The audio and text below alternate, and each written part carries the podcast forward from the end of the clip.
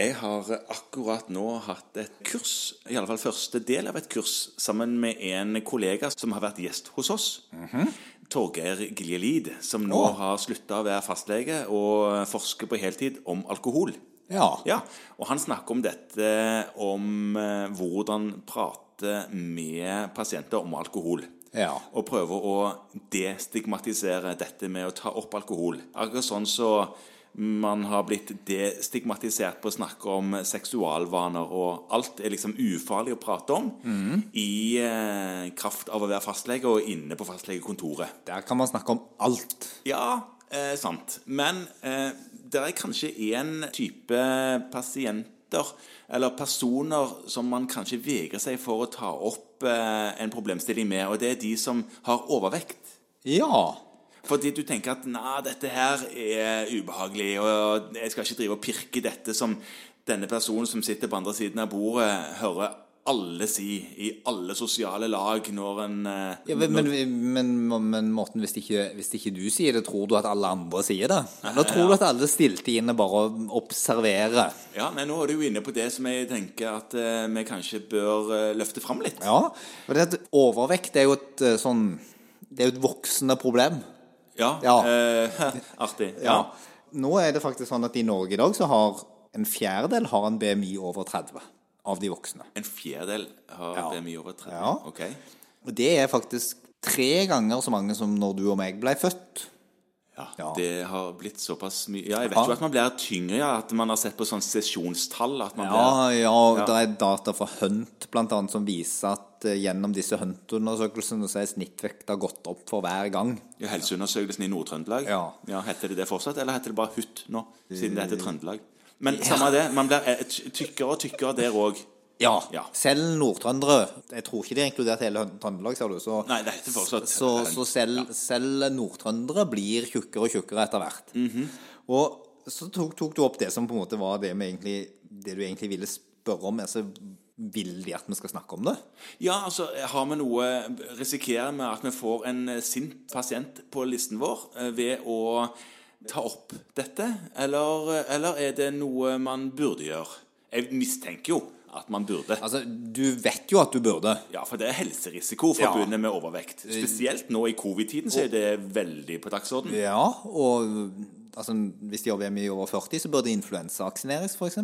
Ja, og, og har du BMI over 40, så er det mye man burde Altså, da er du da, har du et, da, da er du virkelig en person med overvekt, som jeg har lært at det heter. Altså, Ja. mm, Mm, og eh, det som er viktig, da, det er at det er faktisk gjort noe forskning på dette, og nå ble jeg akkurat eh, presentert en studie for 2019 ja, der de har spurt noen pasienter og noen behandlere om dette. om man bør snakke om det. Ja. Jaha.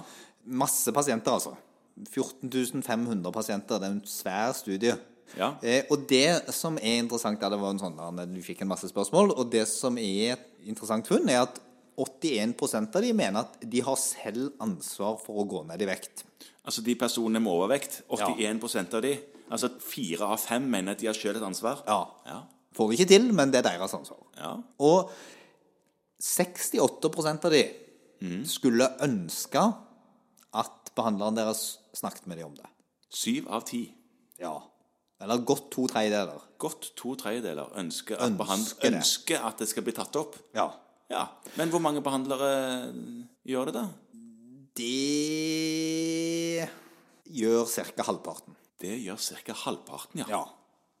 Og så er det nå gjort noen flere interessante funn i den studien, og det er jo kanskje det som er spennende. For det, at det er bare to tredjedeler av de overvektige som mener at det å være overvektig er en sykdom. Ok. Ja. Mens 81 av behandlerne mener at det er en sykdom. Ja. Der må vi gå litt i oss selv. For hvis 81 av oss mener at dette er en sykdom, og bare halvparten velger å snakke om sykdommen, Ja, da Sånn oppfører vi oss jo ikke med andre sykdommer. Nei, altså du vil jo ikke på en måte oppføre deg sånn med høyt kolesterol eller høyt blodtrykk eller diabetes eller Nei. Nei, Jeg kreft. ser du har høyt blodtrykk, men det velger jeg å bare ikke snakke om. Ja. Nei, sånn er det jo ikke. Nei. Nei. Eh, så der er det jo noe rart sånn følelsesmessig på vår side av det. Og så er det noen annen ting. Det ble spurt om Tror du at den overvektige er motivert for å gå ned i vekt? Og da svarte de overvektige Der var det 7 som svarte at det var de ikke. 7 sa at de ikke var Så motivert. 93 var, mente at de var motivert for å gå ned i vekt. Ja. Mhm. helsepersonellet, når de fikk samme spørsmål, de trodde at 71 ikke var motivert. Ok. Og der ligger nok noe av grunnen til at vi ikke tar dette opp. ikke Ja, for sant? de Vi tenker at det er ikke vits. Nei. Nei. Altså, de gidder jo ikke. Ikke sant? Det er ingenting å hente på dette. Ja. De, det, dette har de prøvd så mange ganger at de gidder ikke. Der er vi ikke i takt med kundegruppa vår. Nei, ikke sant? helt, nesten, nesten helt i utakt, Ja, faktisk. Ja. helt i utakt, ikke sant? Og det andre er jo det, og det, det er klart det er vanskelig å måle i en sånn studie, for der har vi jo ikke samme settpunkt, men 81 av de overvektige mente at de hadde gjort seriøse forsøk på å gå ned i vekt. Mm. Mens eh, ifølge behandleren så var det bare en tredjedel. Ja, nei, her er det jo helt mismatch. Ja. Så jeg tror at kanskje grunntonen er at vi snakker nok ikke helt samme språk som pasientene våre.